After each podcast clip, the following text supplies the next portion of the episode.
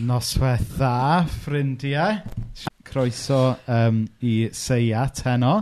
Um, Gethon ni wythnos off wythnos diwetha, um, ond i ni nôl gyda chi wythnos hyn, a mae gwestai arbennig iawn gyda ni. Um, o Gorseinon, siwr i ti, Adrian. Siwmai Rhys, neis i weld ti. Helo, Mend. Helo, Adrian. Nos o thai bab arall hefyd. Mae'n neis gweld y lein yn glir. Um, cariwch chi, chi'ch demlaen i, i siarad am eiliad, i fi checio bod levels yn iawn just cyn bod ni'n mynd yn fyw, oedd Adrian a fi yn meddwl a ddylen ni fod yn gwisgo sbectol a'i byd o. Oedd Adrian yn meddwl tynnu sbectol, a wedyn dyna sy'n sbectol, a wedyn munud ola roedd oedd yn ôl mlaen. O'n i'n poeni falle byddwn ni ddim yn gallu darllen y comment. Gyda'n oedran ni'n mynd yn... Wy bron ddim gallu gweld uh, unrhyw beth ef specs nawr. Mae rhaid i ni rybyddio chi, mae ar y brawf yw'r Skype ma heno, um, a wedyn ni'n di sylwi'n barod bod na broblem o bryd i gilydd gyda'r sain. Um, gobeithio wneith eithaf ymharu gormod ar eich mwynhad chi, ond ni'n hollol fyw ar y Facebook Live ar hyn o bryd, a'r Skype, mae'n tipyn o ar y brawf i ni. Um, ond gen i weld sut eithi. Ie, yeah, so, um, so gaethon ni wythnos off wythnos diwetha, um, Pam? O ia, achos oedden ni yn cael... O ti'n sal. O'n i'n sal, ie. Yeah, a oedden ni'n cael chydig o ddwrnodau o wyliau, ddim bod ni wedi gallu mynd yn lle. Ti di, ti di llwyddo i off a cael unrhyw wyliau yn ystod hynny, Jen? Na, gwa bod yn onest, um, mm. oedd Clen dathlu ffen blwyddyn ddeugen jyst cyn i ni fy mewn i'r mudo mawr. Oedd ni cynlluniau mawr, o'n i'n mynd bant gyda'r teulu am wythnos, cafodd hwnna o hirio, wedyn ni ganslo. Mm. Ac o'n i wedi bwriadu mynd i weld ffrindiau yn America ar ôl y Pasg. Mae'n drenu bod ni ddim wedi gallu mynd, ond na fe, mae wedi bod yn rhaid brysur mewn ffordd gwahanol i'r arfer y dweud y gwir, so i ni ddim wedi cael lot o wyliau. Ie, yeah, na, na. Mm. So sut mae'r lockdown wedi bod i chi yn Gorseinon? Ie, yeah, mae wedi bod yn brofiad digon ryfedd, so os i chi'n abo fi, mae'n fraig i Cle, mae hi'n gweithio fel darlithydd yn y Brifysgol yn Abertawe ond nyrs yw i wrth i alwedigaeth i, so mae'n mynd nôl i'r gwasanaeth iechyd. Mae wedi bod yn brysur iawn yn gweithio oriau mawr. Um, ond, wedi gweud ni, um, mae pethau'n dechrau setlo nawr, so mae hanner yr wythnos lan yn gyrdydd uh, yn yr ysbyty yn yr hyth, a hanner yr amser yn darlithio ar Zoom. A wedyn mae ngwaith i yn yr eglwys wedi parhau, ond mae wedi bod braidd yn ryfedd ac yn wahanol, ond erbyn hyn, mae yna normal newydd, nagos o, e, ti'n modd? Wel, fi'n falch iawn i glywed bod pethau'n tawelyd y Claire, a fi'n gwybod bod Claire yn gwylio, so diolch Claire am popeth ti'n neud. Fi'n gwybod ti wedi gweithio'n anhygol o galed dros y misoedd nesaf. Um, so just diolch i ti am dy waith. Reit, cyn bod ni am um, sgwrsio'n iawn efo Asian, um, i chi sy'n tiwnio mewn i wylio'r seiat am y tro cyntaf, um, mae wedi dod yn bach o draddodiad um, bod Mena neu fi yn pobi rhywbeth. Mm -hmm. um, felly, Mena sydd wedi bod yn pobi wythnos yma. Be, be ti wedi bod yn pobi, Mena? Wel, cacen a twll yn y canol. Enw fe yw Maple Syrup Pecan Bunt. Bunt. Fi ddim yn gwybod os fi'n dweud hwnna'n iawn. a wigan... Um, A wy'n gytid nawr bod mwy na 5 milltir rhwng Carnarfon a Gorseinon, oh. achos byddwn ni'n dwlu do draw i gael darn o'r tisio yna. Mae'n ma bach o arbrawf, mae rai fi ddweud. Paid y torri llaw fi off na. Mae yna sponge, ond wedyn mae yna rhywbeth yn y canol, ond fi di wneud i e gra um, walnuts nid pecans. So, oh yeah, well. So mae yna bach o dwll fyna. Um, Ti eisiau fi fe? Logistics, oh yeah. Ie, yeah, cer amdani. Mm. Na, da bach yn dwym. O, mae'n neis. Neis? Ydy, ond, do be, mae cyflwyno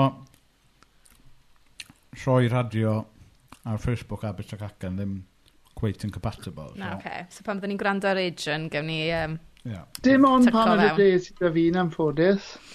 O, Adrian, diwna ddim fel ti. ond, mae rai fi weid, fi, bro, fi bron nawr y colli stôn um, yn ystod y mudo oh, mawr yma sy'n anhygoel. Ond, bore yma, nath rhywun yn gwbl anusgwyl droi lan i'r ficerdi, mae'n berchen ar gaffi lleol, a un o'r pethau mae wedi bod yn wneud yw dod i te prynhawn at ei gilydd, a mae wedi bod yn delifro nhw i dau yn y gymuned. Mm, a nath nice. droi lan yn y ficerdi heddi gyda dau de prynhawn enfawr, a nath i weid bod rhywun gwbl anhysbys uh, wedi ffono i ofyn iddi ddod yn wyr cerdi wedi diolch am bopeth i ni wedi bod yn neud yn ystod y cyfnod anodd yma. Oh, so, uh, oedd e jyst yn anhygoel, so wedi treulio'r pynhawn yn bita un t-shirt ar ôl y llall. So, wy'n teimlo braidd yn llawn i wedi gwir. OK, so ar ôl y cyflwyniad um, hardd yna yn sôn am, am deisennau ac yn y blaen. So, ers, ers bod ni wedi dechrau'r syniad yma, um, tan wythnos yma, chi jyst i clywed Mena fi'n sgwrsio gyda'n gilydd. Sy'n bach yn rhyfedd, achos yn amlwg, da ni'n byw gyda'n gilydd, a wedyn da ni'n sgwrsio efo'n gilydd o'ch, och blaen chi, sydd chydig bach yn weird. Ond yn gweledigaeth ni o'r cychwyn, oedd cael um, gwestau yn ymuno gyda ni, um, gwahodd rhai ffrindiau i ni, gwahodd rhai pobl ni falle ddim yn adnabod, ond ni'n teimlo bod rhywbeth um, ganddyn nhw i rannu. Um, mm. Ag, um, ag Ac wrth gwrs, mae wneud hynna yn ystod lockdown wedi bod. Um, yn wreiddiol, oedden ni'n dychmygu sa'n ni'n cychwyn gyda jyst cael ffrindiau ni sy'n byw yn Gynarfon jyst i ddod yma i recordio fe gyda ni yn y cnawd. Um, ond yn amlwg, di hwnna ddim yn bosib. Um, a, a mae wedi cymryd chydig bach o amser i fi weithio allan sut mae uh, recordio a darlledu yn fyw yn dynyddio Skype ac yn y blaen. Dyn ni wedi wneud hynny, felly dyn ni'n falch o ddeud bod y gwestau cyntaf gyda ni heno. Ac be dwi eisiau wneud, yn hytrach na bod ni'n trafod rhyw bwnc penodol heno, um, dwi eisiau just dod i adnabod Adrian Morgan. Nawr, mae, mae, mae Adrian, mae yn rhywun athyn ni gyfarfod pan o'n ni yn y brifysgol. um, a ma'... a dwi ddim yn deud hyn jyst i Adrian, ond dwi hanner yn. Mae, ma'... ti yn, ti yn ffigwr mae pobl yn gwybod amdano um, achos ti'n un o gymeriadau bywyd yn ystyr da y gair. Um, ac ac o ganlyniad, mae rhywun yn gallu um, dod i gasgliadau neidio ganfyddiadau am am am bobl. Ond heno, dwi eisiau ni ddod i adnabod yr A.J Morgan go iawn. A mm. dwi 'di... dwi wybod um, rhywfaint o dy gefndir, dy hanes, dylanwadau sy'n arna ti. A gweithio drwy hynna um, bydd o fydd i ni um, ac i unrhyw un sydd, sydd yn gwrando. So, ti, ti isio cychwyn? Mae yna drwy ofyn am bych, gwestiwn am ei fygwraeth e? Iawn. Wel, beth am dechrau yn y bont? a dyn ni'n nabod, mae lot o bobl yn nabod ti a cysylltiadau ti da Ponder the Um, so falle, gallu ti just sôn chydig am tyfu fyny, bont ar Pontarddulais, um, mynd i ysgol cyfrwng Cymraeg, um, ond teulu dwyieithog wrth gwrs, a um, yeah, just bach am hynna bydd yn ddifur clywed, a wrth gwrs yr eglwys o ti'n mynd i, just bach o dy gefndir di. Ie, yeah, beth sy'n ddiddorol yw bod fi wedi cael yn fagu, fel ti'n gweud, mewn teulu dwyieithog i raddau. Um, mam gi a tad ci, ddwy ochr i wedi gwir yn siarad Cymraeg, um, ond dim un o'n nhw wedi dewis rannu'r iaith gyda'i plant, um, ac yn sicr o safbwynt uh, rieni mam oedd gyda nhw rhyw gymlethdod i sweddoldeb fi'n credu, er bod ffactorau eraill yn rhan o'r mix hefyd, oedd rhaid i blant o'r ardal deithio'n bell i fynd i'r ysgol Gymraeg pan oedd mam yn blentyn. Felly, um, doedd mam na dad ddim yn siarad Cymraeg, ond mae'n bosib bod rai yn gwybod, um, ges i ngeni mwy na deifi sy'n gynnar gyda cerebral palsy.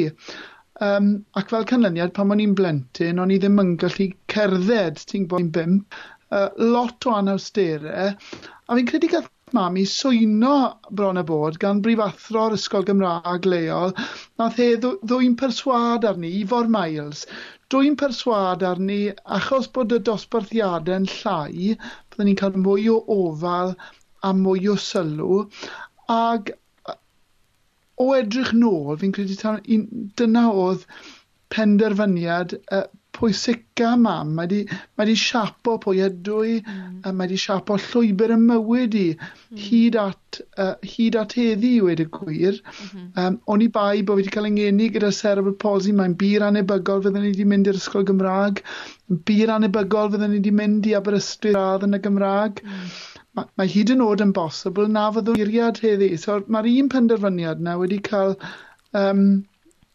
goblygiadau anhygoel. Um, ac o'n i wrth y modd yn yr ysgol, deuddeg yn y dosbarth, um, deg bachgen a dwy ferch.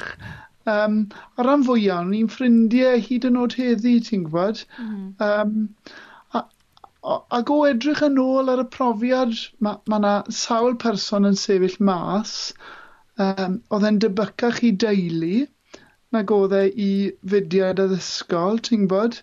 Um, a fi'n cofio Annie Derrick, hi oedd yn athrawes cynnar hi, oedd hi'n gristion yn flaenor yn, um, yn eglwys y gopa Pontarddile, ac oedd ganddi ffod esgort glas a pysgodyn, symbol y Cristion ar gefen i chari.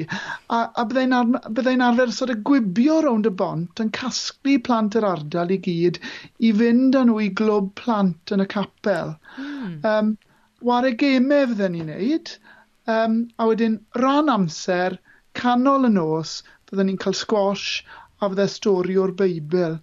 A fi'n siŵr bod hi wedi gweld rhyw ddiddordeb yno fi, a, a trwy i um, gweinidogaeth hi, nes i, um, ti'n gwybod, nes i glywed am Iesu gynta Mm -hmm. um, pan o'n i'n blentyn gytre, oedd e'n dipyn o joc yn tu ni, oedd gweithio'n y DVLA yn Abertawe, a byddai'n aml yn gweud wrth y ficar, o, wi ddim wedi bod i'r eglwys am uh, rai misoedd ficar, mae ma overtime wedi bod yn y DVLA a y ficar yn aml yn gweud ai dafod yn ei foch o par y becso, fi wedi bod yn gweithio'r siliau ers blynyddoedd. Um, ar unig adeg fydden ni'n clywed am Iesu, oedd pan fydde dad yn trial ymestyn i eirfa fe tyn bach, ti'n gwybod? Um, ond achos gwynidogaeth ffyddlon a thawel anideric, nes i, nes i glywed am Iesu gyntaf. Hmm. A wedyn, beth am yy y Gymraeg? O' ti'n gweud fyna, fyna oedd dechrau'r daith dy fam yn penderfynu um, dy roed Gymraeg Um, ond ble...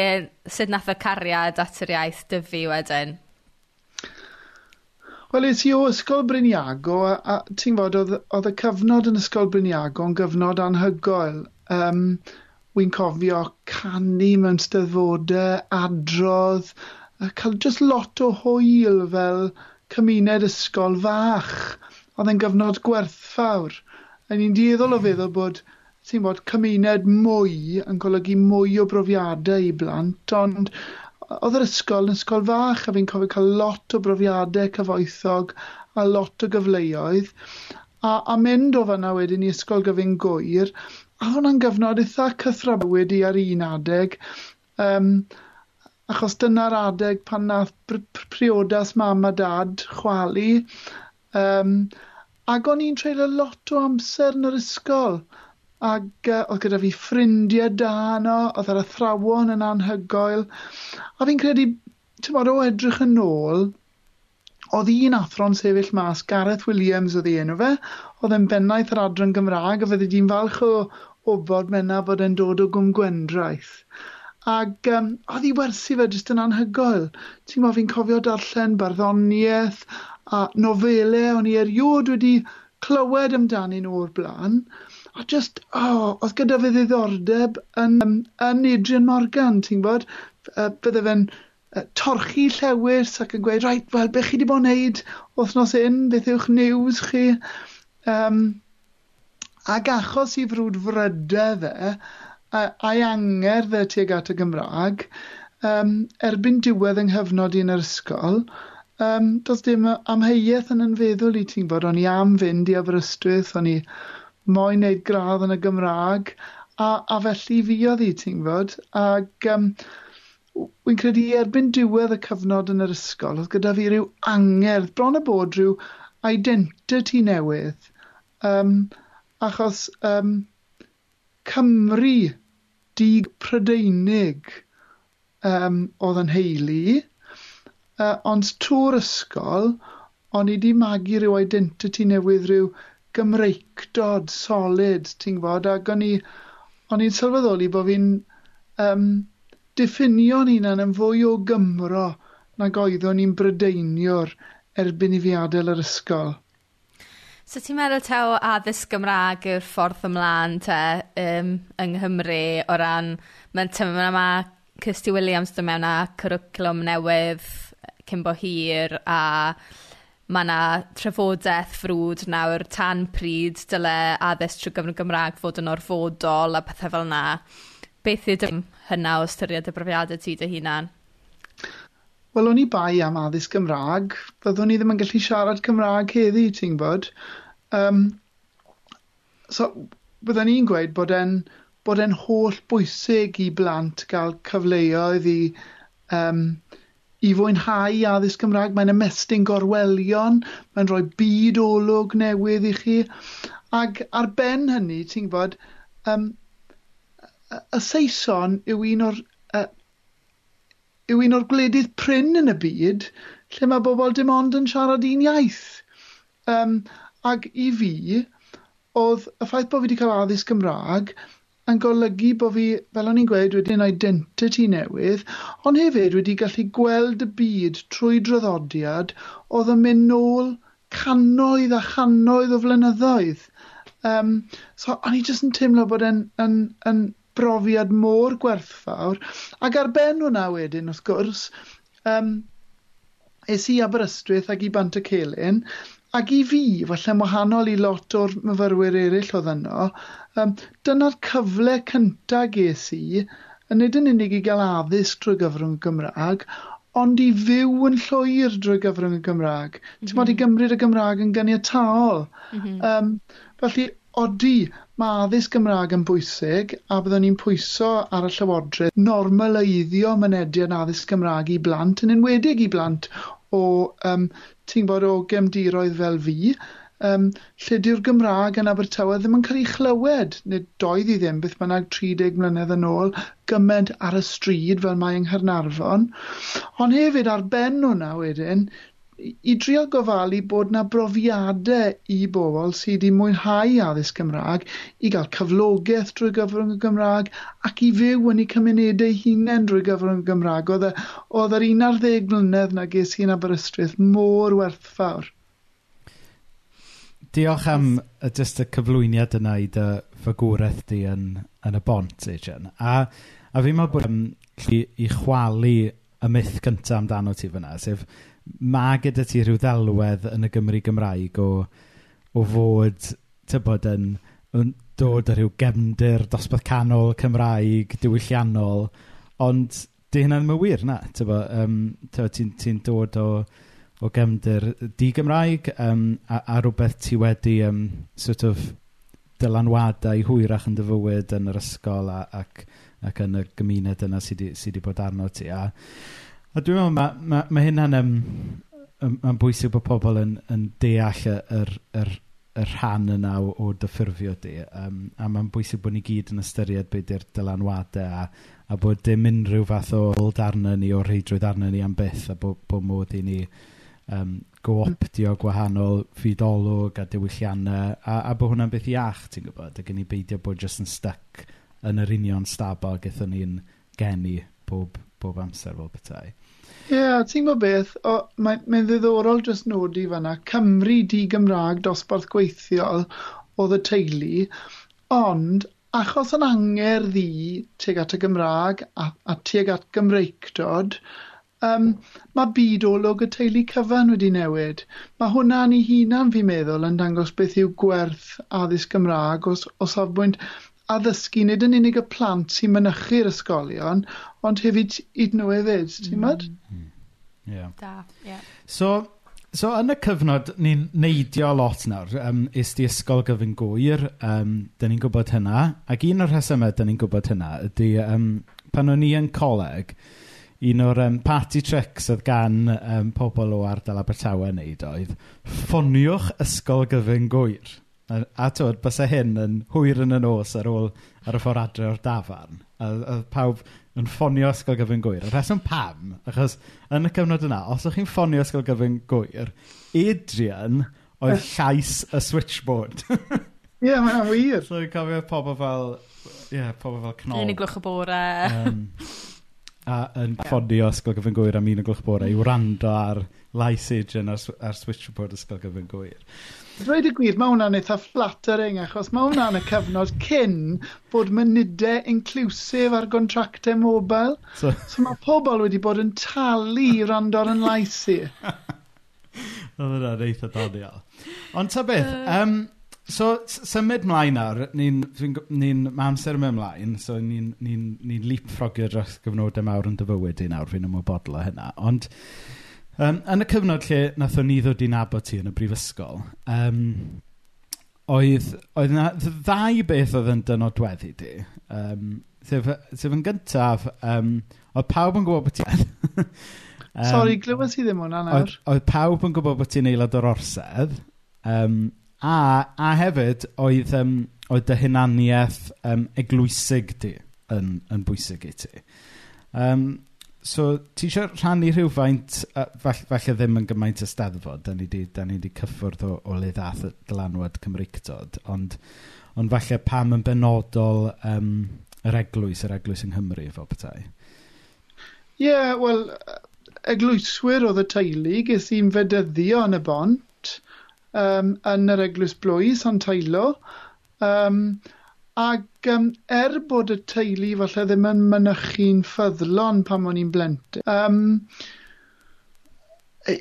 i'r eglwys o'n nhw'n troi ar, ar gyfnodau arbennig yn ei bywydau nhw. Ti'n bod yn yr eglwys, uh, mae'n ma teulu ni wedi priodi ers cyn cof, yno nhw'n mynd ar plant i gael bedydd, ac yn y blaen, ac yn y blaen.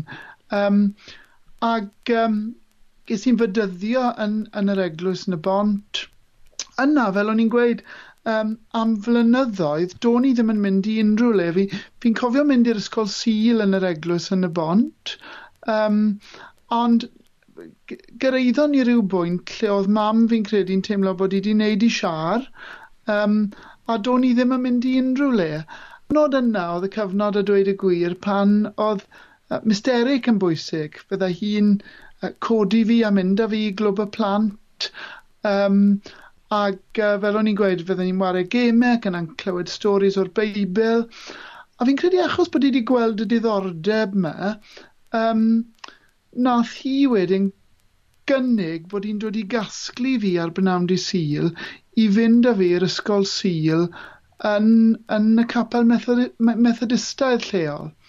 Um, felly, yno ni'n mynd am flynyddoedd, Um, ond yn hwyrach wedyn yn, yn, yn, yn mhlentyndod i, pan o'n i falle yn rhyw um, wyth oed, achos bod pethau'n galed rhwng mam a dad, o'n i'n treulio cryn dipyn mwy amser gyda mam gi a tyd ci.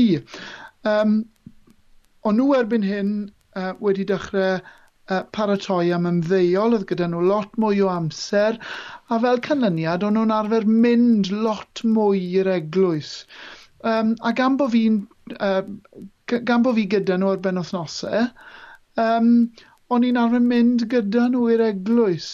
A fel o'n i'n gweud, oedd yr hadau yma wedi plannu yn clwb y plant, yn yr ysgol sil, a wedyn trwy fynd nôl ymlaen i'r eglwys, um, oedd e oedd yr hadem yn cael ei bwydo yn dawel fach, fi'n credu.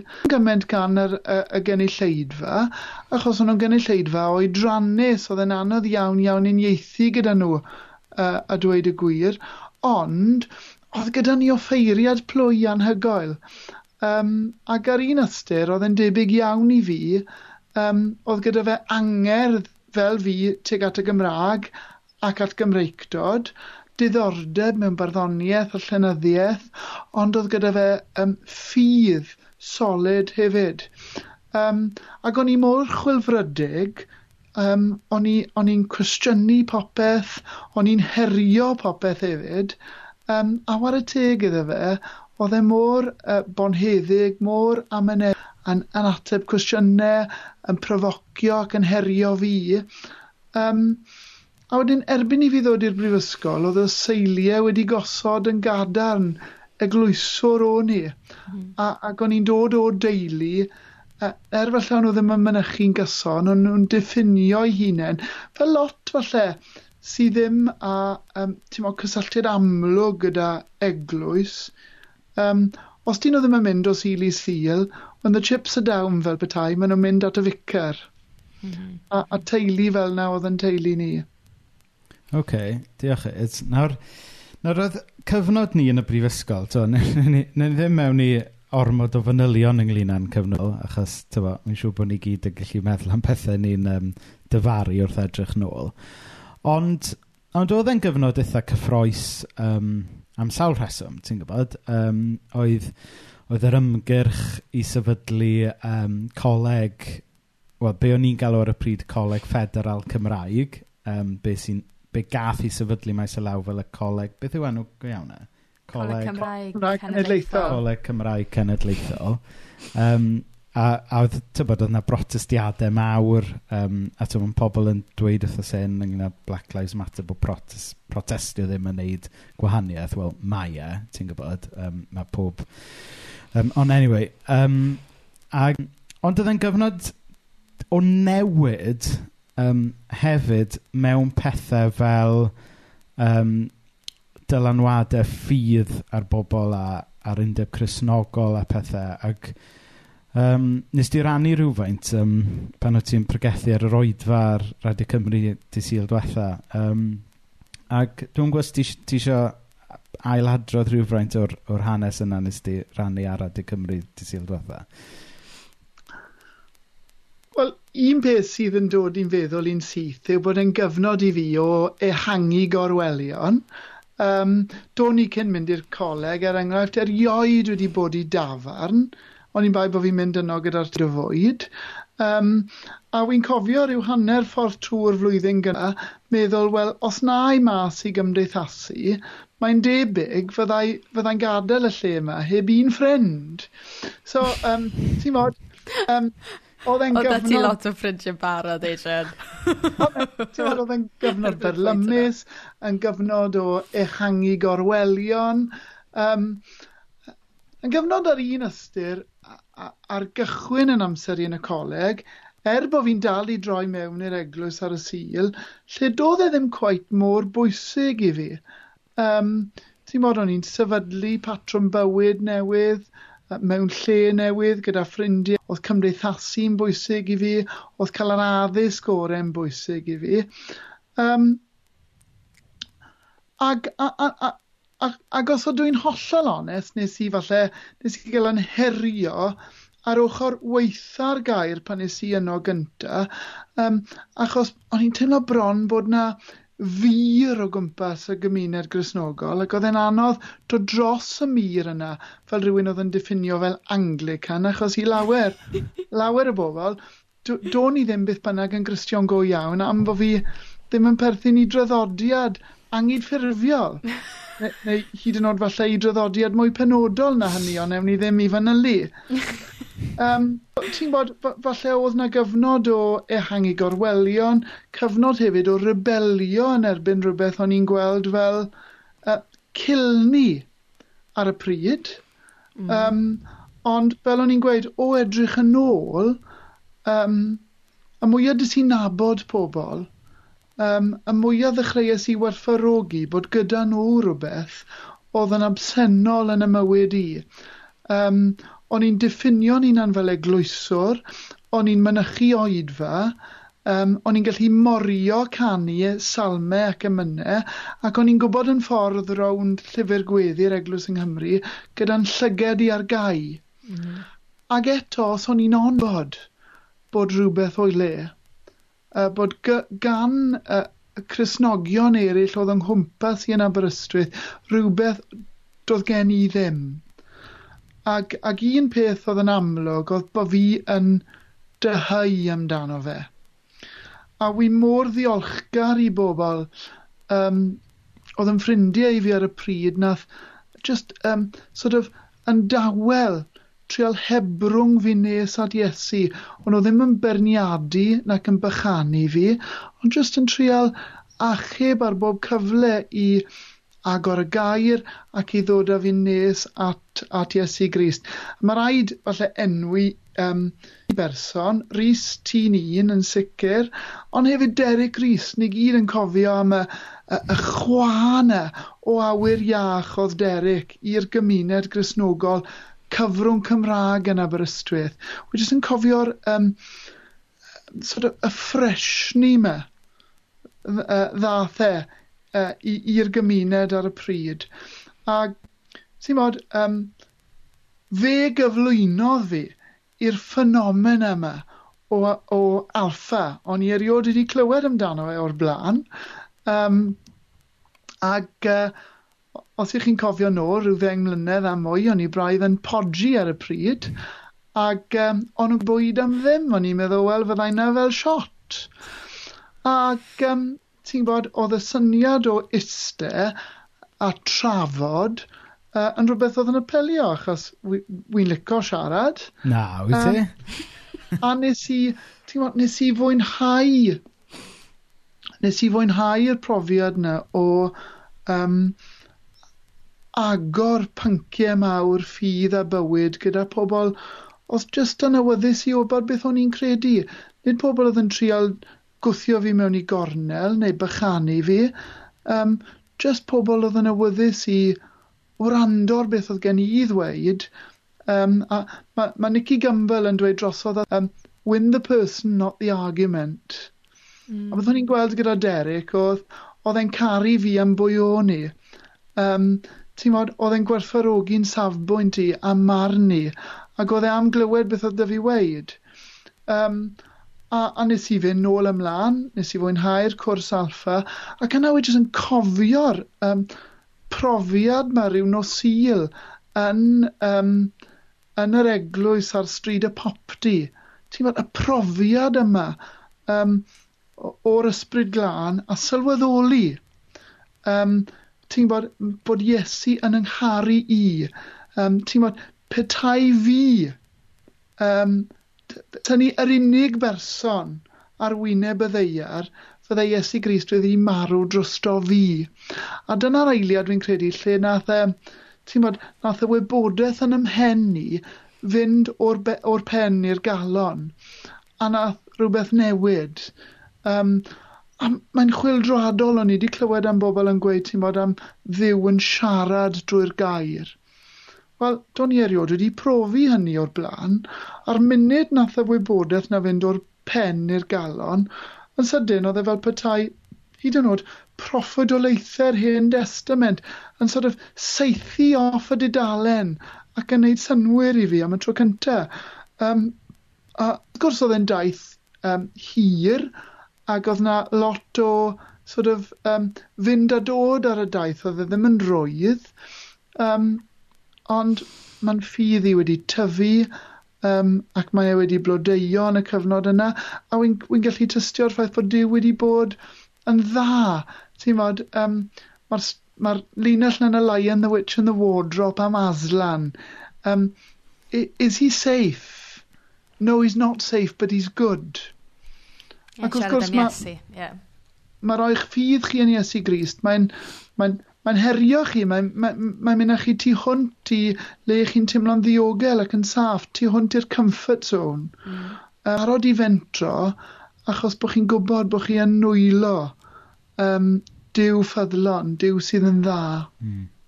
Gai diolch am to, rhannu'r stori bersonol fyna. Gai, gai just pigo falle'r ddau ohonoch chi chy bach yn fwy nawr. Um, hynny yw, dwi'n cofio yn adeg ni yn y brifysgol yn, yn arbennig um, y ffordd na Dyw ddefnyddio um, John Derrick fel bom. Dwi'n licio meddwl am i pan nath e y landio yn Pantycelyn ac yn benodol yn yr Undeb Cresnogol fel bom. Nath o, nath o just taflu pob convention ynglyn â sut o'n i'n neud pethau lan i'r awyr mewn ffordd da, ti'n gwybod? Achos o'n i'n teimlo, oedd, oedd Derek blwyddyn yn iau yn ni coleg. Oedd y blwyddyn gyntaf yn yr Undeb Cresnogol cyn bod Derek yn cyrraedd. O'n i, o'n i a dwi'n deud, dwi'n deud hyn o ran barnu neb arall, dwi'n deud o gymaint amdano fi fy hun.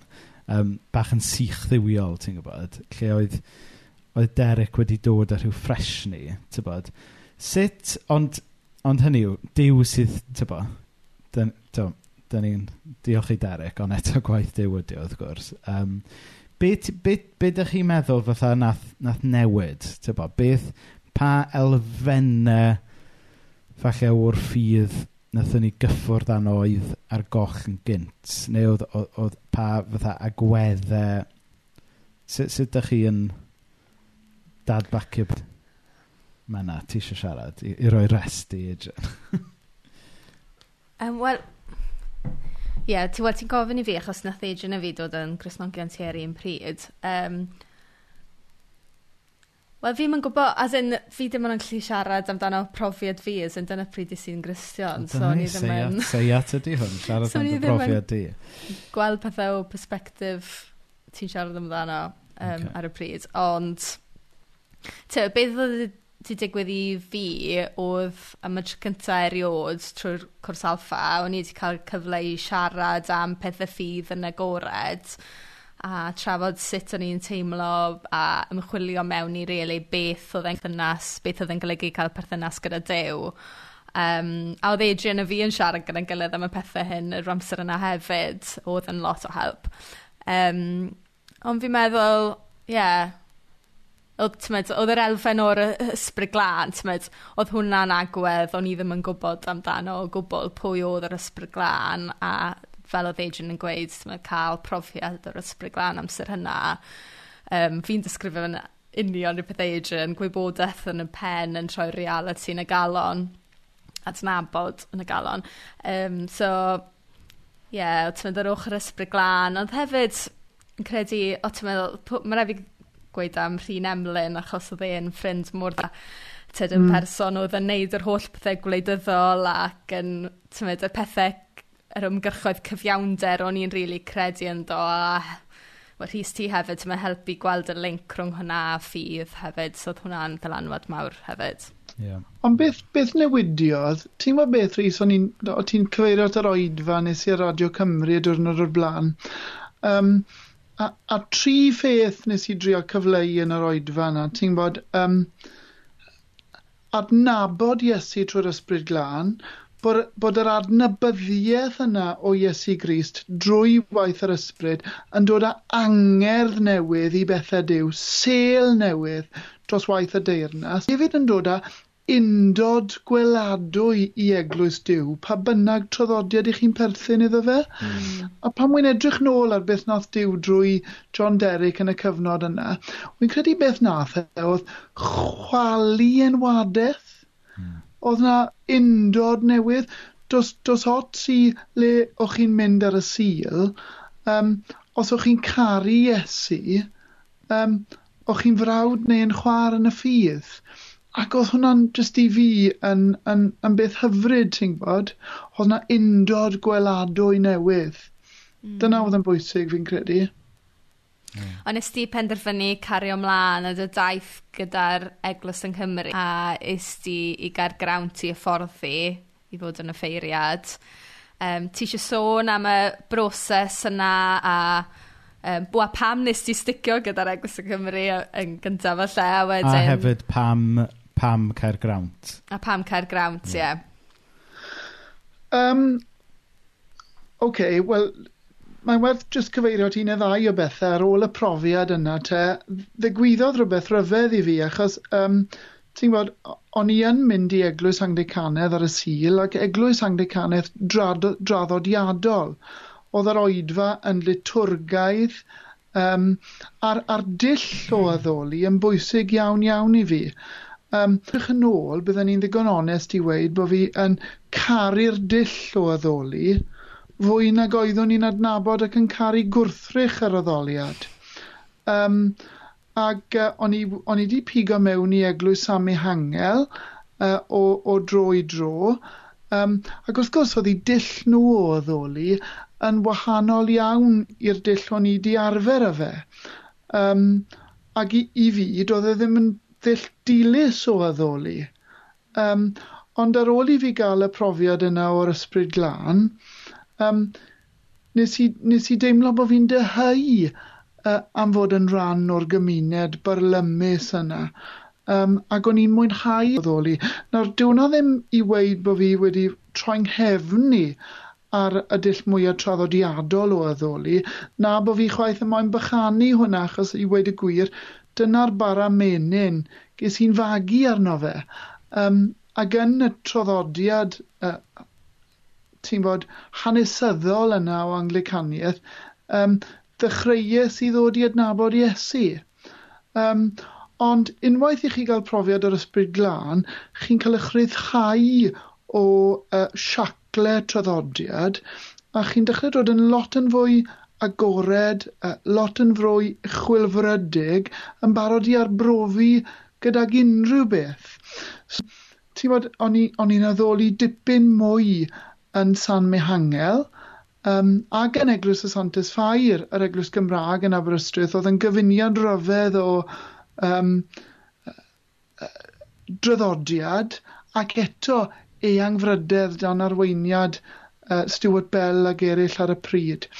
So, um, oedd y shift yna wedi digwydd, um, a wy'n credu bod hwnna wastod yn rhywbeth mae'r ysbryd glân yn neud. Mae'n mae, mae, mae wedi wneud fi'n berson sydd yn gyffyrddus ym mhob carfan o'r eglwys, boed yn uchel eglwysyddiaeth yn eglwysyddiaeth draddodiadol neu yn isel eglwysyddiaeth oedd efengylaeth. Wy'n hapus lle bynnag mae enw'r Iesu'n cael ei ddarchafu. Um, ac um, yn od, um, Timod, yn y cyfnod yna, wrth gwrs nes i aros yn Aberystwyth am flynyddoedd wedyn yn wneud ymchwil ac yn y blaen, ac yn, yn y cyfnod yna, uh, ges i gyfle jyst i roi uh, gwreiddiau lawr ac i adael un ffydd i dyfu uh, mewn cymuned chrysnogol unigryw. Um, ond eto, oedd y syniad bod Dyw yn galw fi i'r weinidogaeth, o'n i ddim wir yn dyhau i fynd i'r, i fynd i'r iole. Um, ond o'n i ddim yn teimlo yn gwrtho fe. Mm -hmm. So, um, es i, um, es i i banel dewis yn yr Gymru a dethon nhw nôl i weid ydyn ni'n credu bod gen ti alwedigaeth ac i ni'n barod i um, sponsro ti i fynd i astudio diwynyddiaeth. Um, ac oedd yr esgob wedi rhyw awgrymu, ti'n bod, petai ti'n llwyddo i fynd i mewn i'r udychau neu i gergrawnt, um, yna dyle ti fynd. Achos ti wedi cael, um, ti wedi cael lot o brofiad um, yng Nghymru, um, dyle ti fynd i le fydd yn stretcho ac yn herio ti'n ddiwynyddol. Um, ac oedd e am i fi fynd i'r udychen. Um, ben set i wedi gwir ar fynd i'r udychen, Um, tam bo fi, ar ôl i fi fynd am gyfweliad i'r Idychen ag i Gergrawnt, jyst yn synhwyro bod Dyw wir yn galw fi i fynd i, um, i, i Gergrawnt. Um, Ac um, ti'n ti gweld llaw yr arglwydd yn y cyfnod yna, achos serch y ffaith bod yr esgob am i fi fynd i'r Idychen, nath e, nath e adael i fi fynd i gyrgrawnt. Carteg. Um, Ac oedd mynd i Gyrgrawnt, oedd e ddim yn brofiad rwydd o gwbl, ti'n bod, oedd e mor bell o adre. Um, ac i fi, oedd mynd lan, lan ar ewl dwy awr i Aberystwyth yn, yn her, ti'n bod? Um, ond bell so, o Gymru... stopio ti fyna, Ed. So, so ti'n sôn am fynd i Caergrawnt a hangi gorwelion ac yn y blaen, ond ond oedd na... Da, yn y mix, oedd na resymau diwynyddol hefyd, doedd. Hynny, oedd, oedd i, i goleg um, Ridley Hall isti, oedd a yeah. pwyslais diwynyddol penodol. Um, ti eisiau sôn rhywfaint am beth oedd y pwyslais diwynyddol yna a pam oedd hwnna'n apelio i ti? A pa effaith gafodd e arna ti? Wel, fel fi'n gweud, ti'n fod, oedd e'n od, o'n i wedi bod i sawl coleg, ac o'n i'n teimlo bod y colegau i gyd yn trio gwerthu rhywbeth. Mm. Um, ac o'n i ddim wir yn licor syniad yna, ti'n gwybod beth allwn ni gynnig i ti. Um, a, a, a pan es i i Ridley, um, oedd e'n od. A, achos bod y daith i gael mor bell, benderfynnes i bod fi'n mynd i fynd y noson gynt. A pan gyrhaeddes i'n hwyr y noson honno, um, oedd neb ar y lle i gyfarfod â fi. Um, ti'n modd, oedd e'n od. Oedd e'n oedd e'n baradox llwyr i'r profiad o'n i wedi cael mewn colegau eraill lle oedd popeth wedi drefnu, pawb yno'n treol gwerthu, popeth oedd yn dda am y coleg. Um, na gyd oedd yn aros i fi yn rydlu, oedd, oedd allweth i'n stafell i mewn amlen, achos bod fi mor hwyr yn cyrraedd. Fod ges i fynd i iste yn y stafell gyffredin, cyfarfod y myfyrwyr, cael blas ar y gymuned, um, ac yna bore wedyn dechrau cyfarfod ar staff a cael yng nghyfweld, a mynd i weld y prifathro ar ddiwedd y dydd, a cyn bod fi'n mynd mewn i weld y prifathro, o'n i, on i, on i di gweud wrth ddew, wel, ti'n modd, os fydd y dyn mae'n gweddio gyda fi, ac yn dangos i fi bod yn trial dirnad beth yw dyfwriadau di ar gyfer y mywyd i, yna byddai'n gwybod mae dyma'r lle. Ac um, oh, mae'n mae codi emosiwn yno fi wedi cwir. Ac um, pan es i mewn ag iste gyda fe yn ystafell grand mewn yn y coleg, yn union nath e wedodd e, wel, ti wedi cael cyfle i weld y lle. Wi ddim yn mynd i driol gwerthu fe i ti, achos yn, beth sy'n bwysig i fi yw bod ti yn dirnad beth yw bwriadau diw ar gyfer y cam nesaf yma yn dyber yr undod di. Um, felly, wi jyst ymlaen gweddio gyda ti um, bod, bod diw yn neud i ewyllus a'i fwriadau fe'n glir. Mm. Ac um, oedd yr holl beth just, um, ti'n modd, oedd e wedi ganolbwyntio ar ddiw ac ar fwriadau diw. Ac um, dyna o'n i'n moyn. O'n i'n hmm. moyn um, cael yn siapio mewn coleg oedd yn roi'r pwyslais ar fwriadau ac ar gynlluniau diw. Achos fi'n credu yn y, yn, yn y weinidogaeth, um, ti'n mae ma, ma gymaint, yn enwedig yng Nghymru, mewn eglwysi bach, mae gymaint yn dibynnu ar, bersonoli, ar bersonoliaeth y gweinidog neu'r offeiriad. Um, ond yn gwaith ni yw ceisio dirnad beth yw, um, beth yw bwriad Dyw a lle mae arweiniad yr ysbryd glân. A dyna oedd yn apelio. Ac um, ti'n bod, oedd, oedd y traddodiad y coleg um, yn draddodiad um, efengylaidd um, agored. A wy'n cofio uh, um, sort of pwyslais y coleg ar y pryd, um, roots down, walls down, bridges out. Mm. Um, so bod ni'n rhoi gwreiddiau lawr yn y traddodiad ysgrythyrol. 'y ni'n parchu ac yn anrhydeddu'r gair um, fel yr, yr awdurdod yn yr eglwys. Um, ond dyw'r troddodiad efengelaidd yna ddim yn rhywbeth sydd yn, yn, um, mod, yn, um, yn codi miriau ryngon ni a bobl eraill. Miriau lawr, pontydd ma. Achos um, lle bynnag mae'r ysbryd glân ar waith, uh, mae'r dyheuad yna i wireddu beth oedd, ti'n gwybod beth oedd calon Iesu ar gyfer yr eglwys. Wy, wy am i chi fod yn un, fel yr wy fi a'r tad yn un. Ti'n gwybod, um, wrth bod ni'n caru'r caru'n gilydd, um, fydd y byd yn gweld pwy i ni.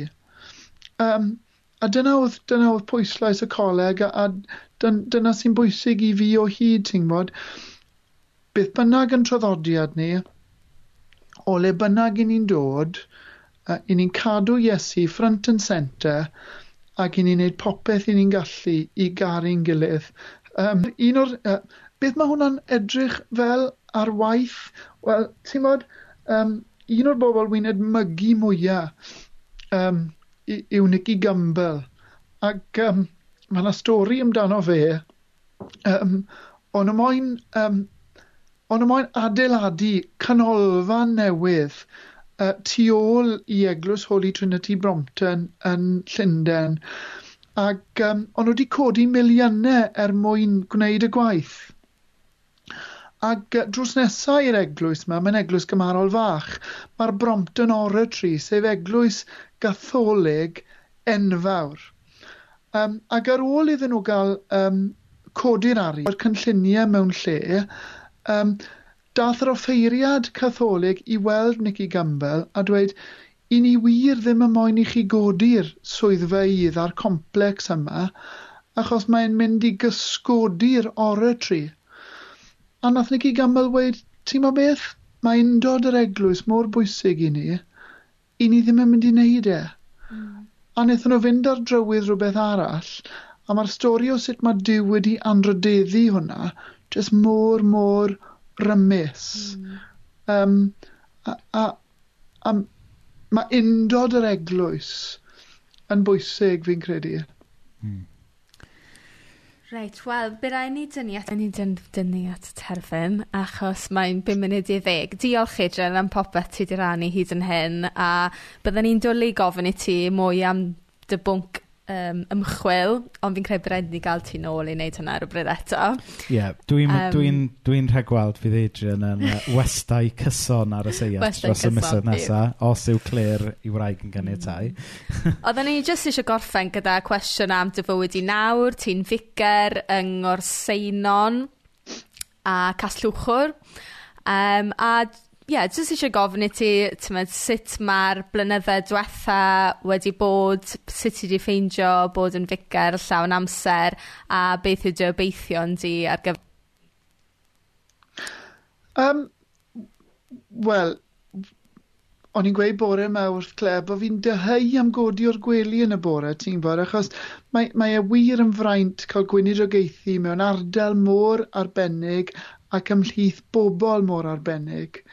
Um, ond mae yna heriau fyd yn naturiol. Um, a'n, a'n, an ddyheuad mwyau i um, yw gweld pobl yn dod i adnabod Iesu dros ei hunain, uh, yn gweld pobl yn uh, trwy, trwy waith yr ysbryd glân, jyst yn dod o hyd i'r sel newydd yma uh, dros waith y deyrnas. A wy'n wi obeithiol. Um, mae'r ma, ma, ma eglwys yng Nghymru newydd newid ffiniau mhlwy fi ac erbyn hyn mae caslwchwr yn rhan o'r plwy. A ti'n bod, um, mewn, mewn, mewn eglwys fach gyda llon dwrn o bobl mewn oed, uh, yng Nghaslwchwr, uh, nath Evan Roberts ddechrau gweddio am weld yr arglwydd uh, yn gwneud rhywbeth grymus uh, yng Nghymru ac i ni gyd yn gwybod beth ddigwyddodd fel canlyniad. Uh, oedd na ddiffroad newydd, uh, profiad newydd o ddiw ar waith, a dyna yw yng, uh, bod, dyna yw yng ddyheuad yng ngobaith i. Nôl ar yng nghyfnod i yn Ridley, lot o'n ffrindiau i wedi mynd i arwain eglwysi mawr mewn dinasoedd yn Lloegr. Mae gyda nhw uh, serch y ffaith bod rai o'n nhw'n iau na fi, mae gyda nhw dîmau o staff, um, a mae'n fyd gwahanol. Mae'n slog bod yn y weinidogaeth yng Nghymru ar un ystyr, ond ti'n meddwl, fan hyn mae'n halo ni.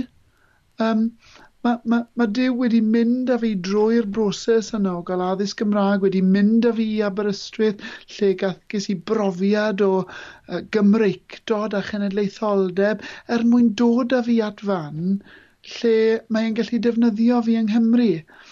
Um, a A mae Dyw wedi dangos i lan, nid yn y pethau mawr a'r pethau swanc, mae'n gweithio, ond mewn cyd-destynau bach digon cyffredin, ac os i ni'n ffyddlon, ac os i ni'n rhoi uh, Iesu front and centre, mae'n gallu gwneud pethau rhyfedd a phethau anhygoel. Amen. Diolch, Adrian. Wel, diolch fawr iawn am, am rannu gyda ni heno, Adrian. Um, Diolch i bawb sydd wedi bod yn gwylio. Um, diolch i, i Menall Welyn sydd wedi gadael sylwad. Um, ac um, dyn ni'n ymddeheiro bod ni falle heb fod mor interactif a, ag arfer heno, ond mae jyst i bod yn hyfryd clywed Adrian yn, yn rhannu stori fel hyn. Um, croeso i chi um, i efo ni neu gadael sylwadau ar ôl ni orffen, um, just, just i, i roed uh, adl ni wybod os oes rhywbeth ydych chi wedi clywed heno wedi um, wedi creu argraff arnoch chi. Um, ond um, cofiwch y bydd hwn ar gael fel podcast i wrando nôl um, ar Apple Podcasts a Spotify. So, allwch chi chwilio am Seiat ar Apple Podcasts ac ar Spotify. Mae hefyd ar gael ar yn gwefan ni, seiat.net. Um, da ni'n gobeithio fydden ni'n ôl efo chi nos i'r nesaf? Ynden. Ynden? Ynden. Um, dan, sgynny ni ddim cynllun pendant eto, falle bydd gyda ni westau, falle ddim, gan ni weld. Um, Geith Adrian rest nhw syl nesaf. Um, ond, gyda ti unrhyw beth cloi i ddweud i orffen, Adrian? O, oh, i jyst yn diolchgar, diolch i chi am fynd â fi ar drywydd y pethau yma ac yn um, nodweddiadol. Wi yn berson em emosiynol yn enwedig pan wy'n uh, edrych nôl ar beth mae Dyw wedi wneud yn y mywyd i a le mae wedi mynd â fi. Um, a fi'n gobeithio bod bobl wedi cael bendith. Na ni. Diolch fawr iawn, Edjon. Wel, da ni wedi cael um, bendith o, o ddod i dadnabod i dros y blynyddoedd, um, a da ni wedi mwynhau yr amser heno. Gyd i'r gair ola yma yna. Ymunwch gyda ni wrthnos nesaf. Iawn. Hwyl fawr ffrindiau. Nos da. Ta-ra. Nos da.